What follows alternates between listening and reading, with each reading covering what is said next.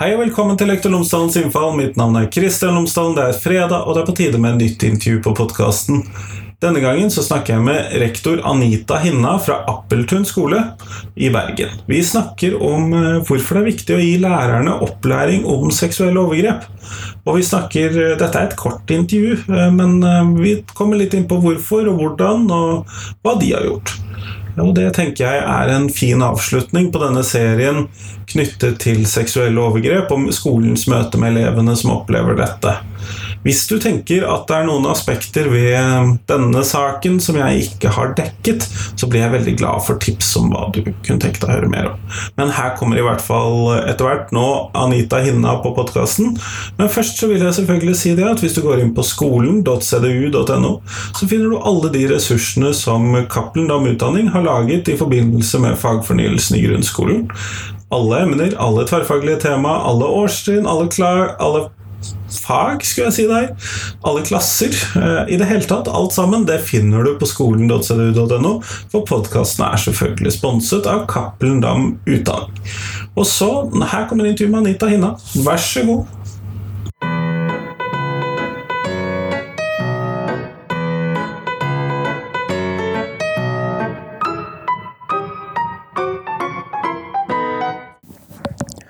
Anita Hinna, tusen takk for at du har tatt deg tid til meg i dag. Bare hyggelig. Velkommen til Appeltun skole. Før vi starter selve intervjuet, så hadde jeg håpet at du kunne fortelle lytterne mine tre ting om deg selv, sånn at de kan få bli litt bedre kjent med deg. Dame fra um, Bergen i sin beste alder.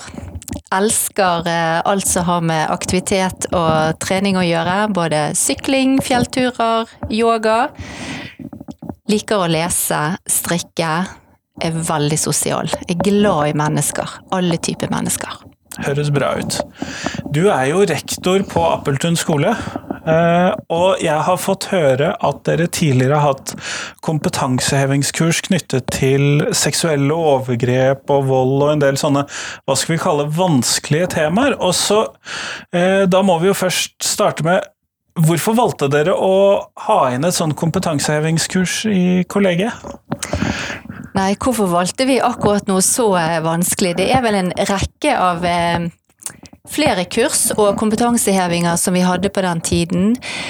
Den ene biten handler om å trygge ansatterollen, de voksne, og um, hva vi skal se etter og være opptatt på. I forhold til alle barn, for det er jo alle typer mennesker her. Eh, så vi har hatt om psykologisk førstehjelp, vi har hatt om å forstå hjernen. Eh, og så føyet dette seg da inn i rekken, dette med noe så alvorlig som eh, vold og seksuelle overgrep. Vi har, det er mye vi går og lurer på og tenker på, undrer i hverdagen. Og det å få da ekspertise utenifra, uh, og kunne drøfte og reflektere sammen, det er gull verdt. Ja, for det er jo ikke akkurat det vi lærerne lærer mest om på lærerutdanningen, i hvert fall. Nei, det er det ikke. Et eh, annet sånt stort og viktig tema med mobbing f.eks. Det er jo heller ikke noe som er pensum i lærerutdanningen. Så det er alle disse tingene som blir til eh, mens du går veien. Og behov som oppstår, så var det kanskje vi klarte å være i forkant på noe. Nettopp, nettopp. Eh, hvordan ble det eh, tatt imot i Eller hva var reaksjonen på at man tok inn et sånt tema blant alle disse andre temaene? Det må jo de nesten svare for sjøl, men eh, de fleste kom da med et åpent sinn. Um, for jeg har en sånn eh, medarbeiderstokk, og det, det, er veldig kjekt. At de er veldig åpne for, for det som kommer. Um, det ble godt mottatt, og det var mye varme og kjærlighet i det. Eh, fordi at det handler om hele tiden å jakte på det å finne hva trenger eleven. Vi er her for elevene hver dag. Og da er dette en bit av det. Var det noen sånne hva skal vi kalle, øyeåpnere for deg som rektor? For jeg antar at du også var til stede på kurset når det var her? Ja, den sterkeste opplevelsen, tenker jeg, er, er, de eh, lærerne som ikke er utdannet pedagoger. Så de voksne som er i SFO, eh, renholderne hadde vi med på dette her, eh, de hadde en bratt læringskurve den dagen. Og det med å ha et felles språk på en åpen skole som vi er, hvor alle ser alt, det er kjempeviktig for at vi skal få til ting sammen. Ja, for skolen er jo mer enn bare lærerne som trasker rundt i hvert, hver enkelt klasserom. Ja, vi pleier å si det sånn at her på skolen så er det to typer mennesker, det er voksne og det er barn. Og at alle voksne skal agere likt og, og, og ta det sånn. Og da syns vi at denne settingen, da var det så viktig at vi inviterte inn alle ansatte. Nettopp, nettopp, nettopp. Det kan jeg jo se for meg er verdifullt. Eh, men, og dette er jo jeg kan jo se for meg da, at man kan tenke at dette skjer ikke i vår elevmasse, og dette er så vanskelig og vondt å høre om og sånn. Eh, hva gjør at du som rektor tenker at det blir verdifullt å ha det inn sånn sett? Jeg tenker at vi kan sette det på den kontoen som handler om å forebygge. Å være i forkant. Å ha en stor nok verktøykasse for alt det uforutsette. For vi kan ikke gå rundt og være naive og blinde i 2021. Altså det, det er en del av samfunnsmandatet vårt, tenker jeg. Med det å jobbe på en skole med så mange unike mennesker som vi skal hjelpe opp og fram. Eh, da må vi òg ha kompetanse i å se. Nettopp, nettopp. Var, det noen sånne ting som uh, du lærte som, eller som dere fikk med dere i dette kurset og i denne kompetanseøvingen, som du tenker at var ekstra viktig å vite om som eh, pedagogisk personale eller som skolepersonale, eller som Ja? En viktig påminnelse som vi snakker mye og høyt om, det er hvor eh, varme vi voksne må være i møte med disse små menneskene. Eh, for relasjonsbygging er jo viktig, og det er jo uansett hvordan bygget er eller hvilken arena vi lærer på, så er jo det den voksne i møte med eleven. Det er jo der det skjer. Eh, og det der om vi klarer å være så varme og rause at de tør å komme til oss, da er vi nærme målet. Ja, og det er jo kanskje nettopp det som må til for at de skal kunne gjøre det. For det er jo kanskje det vanskeligste, og så handler det vel mye om at vi må tro på dem òg, gjør det ikke det? Selvfølgelig skal vi tro på dem. Og barns rettigheter står jo utrolig sterkt i Norge. Både med barnekonvensjonen og opplæringsloven, hvor den er blitt forsterket at de nå har sin egen arbeidsmiljølov. Klart vi skal tro på dem. Og vi skal lytte. Og vi skal anerkjenne. Ja, det, blir, eh, det blir jo eh, viktig, og så kan jeg jo se for meg, fordi at eh, en av de som jeg da tidligere har intervjuet, hun eh, forteller om en far som da aldri fikk kommet fram med disse historiene hvor nettopp seksuelle overgrep skjedde, og man aldri fikk kommet fram med sånne historier. Og da eh, tenker jeg at det du sier her blir ekstra viktig eh, for oss å Det er vanskelig å si det, men fikse dette, da, mm. som skole. Eh, hva tenker du om det? Mest sannsynlig, dessverre, så klarer jo ikke vi å fikse det som skole fordi at dette er en barneskole. For det er jo sånn at det går gjerne ti år før de forteller. Og det er jo noe vi må ha med i bakhodet. Men vi må lære oss å observere og lese og forstå atferden til disse her unike menneskene. Hva er det vi skal bekymre oss for? Når eh, bør det ringe noen bjeller hos oss voksne? Og hvis vi klarer å være en forskjell for én person, ja, men da har vi klart noe bra.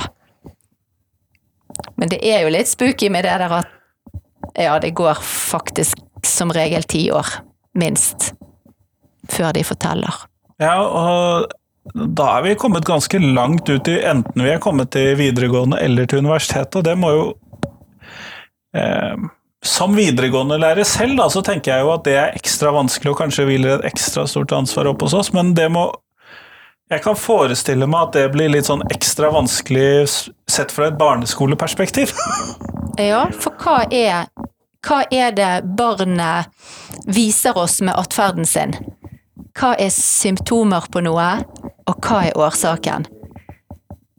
Og det går jo ikke an å sette inn tiltak bare på symptomene. altså du, Tiltakene virker jo kun hvis du vet årsaken. Men da er det viktig at vi i personalet har felles språk, sånn at vi kan gjøre disse drøftingene og undersøke litt til og litt til og finne ut. Så kanskje vi kommer et skritt nærmere. Ja, for det, Nå tenker du på der hvor elever plutselig blir utagerende, eller hvor de endrer atferd og sånn. Forstår jeg deg riktig da? Ja, det, det er det jeg tenker på. At barn kan si og gjøre ting som vi reagerer på. Og da må vi begynne å nøste. Hva handler dette egentlig om? Hvordan skal vi komme i posisjon til dette barnet eh, med vår varme og inkluderende væremåte, sånn at de tør å komme, at de opplever oss som trygge, og at de forteller. Nettopp, nettopp. Eh, tenker du at andre skoler også bør velge å ta inn denne typen kurs for hele kollegiet sitt? Det er kanskje et sånn eh, potensielt retorisk spørsmål fra min side, det er jeg litt usikker på, men hvilke tanker gjør du deg rundt det? Jeg må jo selvfølgelig svare ja, siden vi har gjort det.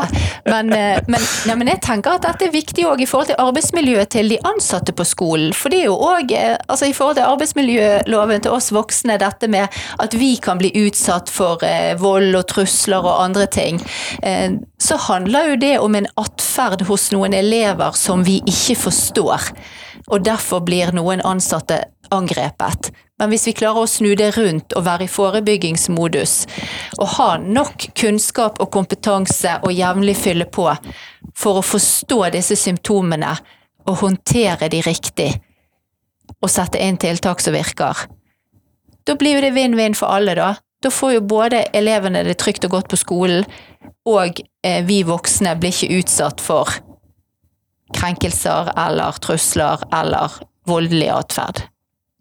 Det var et perspektiv jeg faktisk ikke hadde tenkt på oppi dette, for nå var jeg så fokusert liksom på hva skal vi kalle ned på enkelteleven, men at dette også kan være viktig for den situasjonen vi som lærere står i i det hele tatt, den, eh, den hadde jeg ikke sett for meg på forhånd. Og den har jeg reflektert litt over nå i det siste, fordi at dette med vold og trusler hos de ansatte, det er et satsingsområde i vår byrådsavdeling i Bergen kommune. Så der har jeg sett noen sånne sammenhenger hvordan vi må knytte dette sammen. For det er jo to sider av samme sak. Nettopp, nettopp. For den, den, frustrerte eleven, da, den som enten det ikke fikser skolen, eller det er noe gærent på hjemmebane, eller øh, noe er feil, kan fort da bli den utagerende eleven på skolen. Mm. Mm. Eller den eleven som ikke gidder å komme på skolen, eller den som begynner med selvskading. Eller den som klipper håret sitt fordi at uh, han hadde kranglet med slik og sånn. Så det er alle disse symptomene. De er bærere av noe, men hva? Nettopp, nettopp. Så dette handler kanskje mer enn å se hva skal vi kalle spesifikke tegn for seksuelle overgrep, så handler det om å lese eleven og prøve å se litt sånn bak oppførselen, da? Ja, det tenker jeg. Eh, for vi hadde òg et seminar med Dag Noranger i forhold til det med eh, hjernen, da, å forstå dette med ja, traumatiserte barn av ulike årsaker, og dette med toleransevinduet og Det er jo klart at når du når du har vært gjennom en kursrekke med han, og vi har fått reflektert og drøftet og skjønner da at selvfølgelig, det er jo kanskje derfor den atferden hos den eleven blir sånn, fordi at eleven har opplevd sånn og sånn gjentatte ganger, og da sitter det i hjernebarken, og da er eleven i alarm og i beredskap hele tiden. Ja, men det er jo ikke rart da at det er det som kommer til syne. Så dette med vold og seksuelle overgrep, det er jo bare én brikke av alt som kan være årsaken til atferden. Men Anita, når vi da setter oss ned med eleven fordi at uh, eleven oppfører seg litt annerledes enn vanlig, eller det er et eller annet, eller kanskje vi har fått mistanke om et eller annet, hvordan tenker du at vi som lærere og personell og sånn skal gå fram for oss og snakke med disse elevene i den situasjonen? Hvilke tanker har du gjort deg der etter den faglige påfyllet som du har fått? Det er i hvert fall viktig at den som skal snakke med eleven, har eh, relasjonen i bunn. Eh, at du, du må jo være trygg på deg sjøl òg som person for at du skal tørre å gå inn i dette. For det er jo tøft, og du vet ikke hva resultatet blir i andre enden. Men hvis alle vi i personalet har det samme språket, da, og du kan drøfte med en kollega Um, gjerne øve deg på spørsmål og stille på forhånd. Um, for det er jo en slags oppskrift, det med den avdekkende samtalen, men du må alltid ha noen spørsmål til på lur, for du vet ikke hvilken vei det skal gå. For det som er sikkert når du jobber med mennesker, det er at det er usikkert. Ja, det tror jeg er eh, virkelig en av de få tingene vi kan være sikre på. Mm. Men når vi da skal gjøre denne samtalen for fordi at Vi lærere er jo ganske kjappe til å svare på våre egne spørsmål, i hvert fall i klasserommet. Hvilke tanker har du gjort deg der? Nei, du må gi deg sjøl nok, nok, tid og nok rom. Um, du må jo være rolig og i modus uh, sjøl. Um, gi deg sjøl nok tenketid. Uh, kjenne at du ikke er inne i noen følelser eller uh, et eller annet sånt. At på en måte det er ganske klart og tydelig eh, oppi hodet ditt da. At du har en plan for hvordan du skal gjøre det. At det blir mest mulig forutsigbart og ja, på en måte den settingen òg når du begynner at jeg er så bekymret fordi du sa noe om Vil du fortelle litt mer om det? Hva handler det egentlig om? Og så må jeg kanskje skrive litt av det vi snakker om, er det greit for deg? Sånn at jeg husker det til etterpå. Men hele tiden trygge og gjenta spørsmålet, eller sjekke ut. Var det det du sa? Skjønte jeg deg rett nå? Um, og så òg alltid avslutte med den der Hvordan er det å være deg nå? Hvordan har du det nå? i forhold til når vi startet samtalen, eller i går, eller Nettopp, nettopp. Eh, vi går mot slutten av podkastintervjuet, og da skal jeg stille deg det spørsmålet som jeg stiller til alle jeg intervjuer for tiden. Og det føles kanskje litt sånn hva skal vi kalle det, smått i forhold til det relativt tunge temaet som samtalen er, men hva er de tre viktigste tingene du tenker at eleven, eh, skolen skal lære eleven? Eleven må være trygg på hvem de er. For vi er så opptatt av hva skal du bli? Men hvem skal du bli? Det er mye viktigere. At du er trygg på deg sjøl. Rett i ryggen. Stå, stå, for det du sier og mener. Tørre å gå på trynet. Prøve og feile. Du lærer av feilene dine. Trust me. Men at du har den inni deg at det kommer som regel styrket ut av det. Det gjør utrolig vondt når du får de der skrubbsårene, og kanskje du må plastre og sånn òg. Men eh, hvis, du, hvis du klarer å ta med deg de tingene For hvis du da er trygg på hvem du er, så er jeg sikker på at du eh, kan bidra i samfunnet med å få deg jobb og betale din skatt med glede. Um, sånn at du på en måte gir noe tilbake når du blir voksen. Men det krever at man har noe på forhånd. Mm. Kjempeflott. Tusen takk for at du tok deg tid til meg i dag. Takk for praten.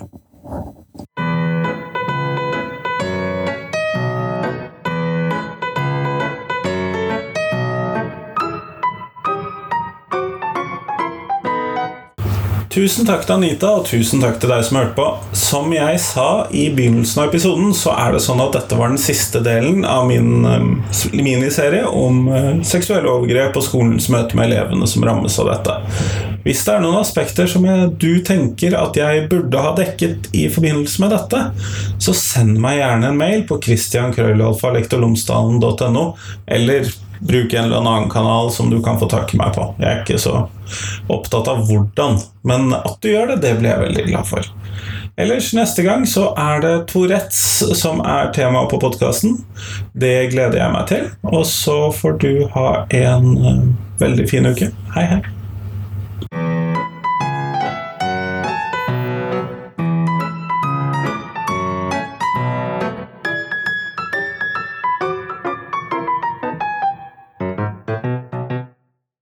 Husk at hver eneste torsdag så kommer jeg ut med et uh, Tenketorsdag-bilde, hvor jeg stiller et spørsmål jeg tenker er viktig å reflektere over for norsk skole.